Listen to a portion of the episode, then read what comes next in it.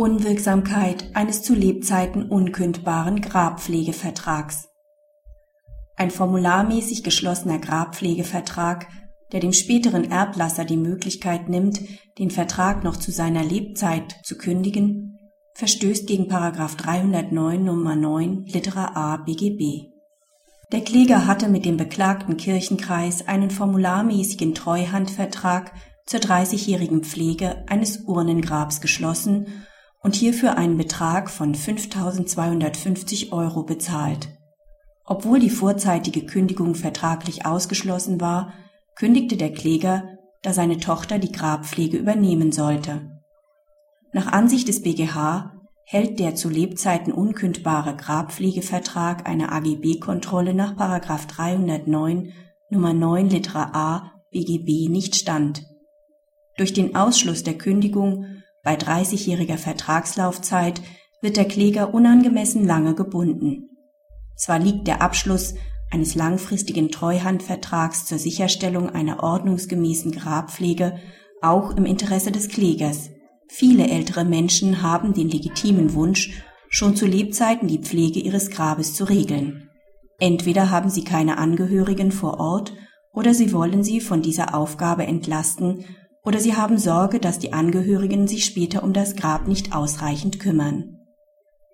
Insoweit kann auch ein nachvollziehbares Interesse daran bestehen, die Kündigungsmöglichkeit für die Erben auszuschließen, um einer Gefährdung der Grabpflege nach dem Tod des Erblassers vorzubeugen. Diese Interessenlage verlangt aber nicht, die lebzeitige Bindung des Treugebers selbst durch allgemeine Geschäftsbedingungen in Abweichung von 309 Nummer 9 Litera a BGB.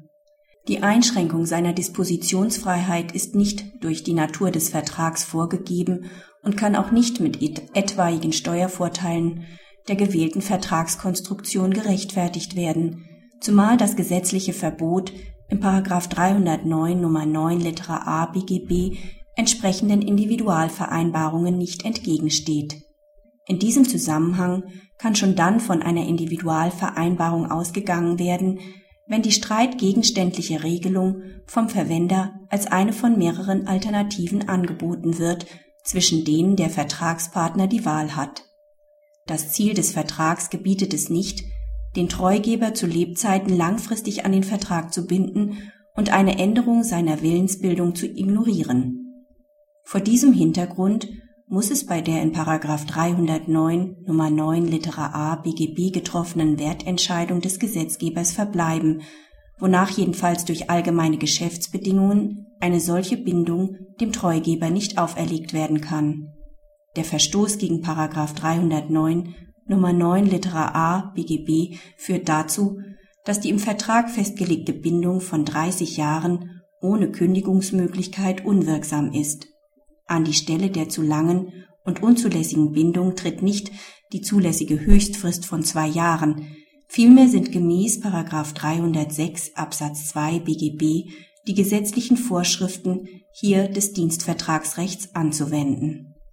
Deshalb stand es dem Kläger frei, das Vertragsverhältnis gemäß 620 Absatz 2 in Verbindung mit 621 Nummer 5 BGB zu kündigen Praxishinweis Die Kosten für die Pflege und Unterhaltung der Grabstätte gehören nicht zu den Kosten der Beerdigung, die der Erbe gemäß 1968 BGB zu tragen hat. Hat der Erblasser aber noch selbst einen Grabpflegevertrag abgeschlossen oder den Erben testamentarisch zur Grabpflege verpflichtet, gehören die Kosten der Pflege der Grabstätte zu den vom Erben zu tragenden Nachlassverbindlichkeiten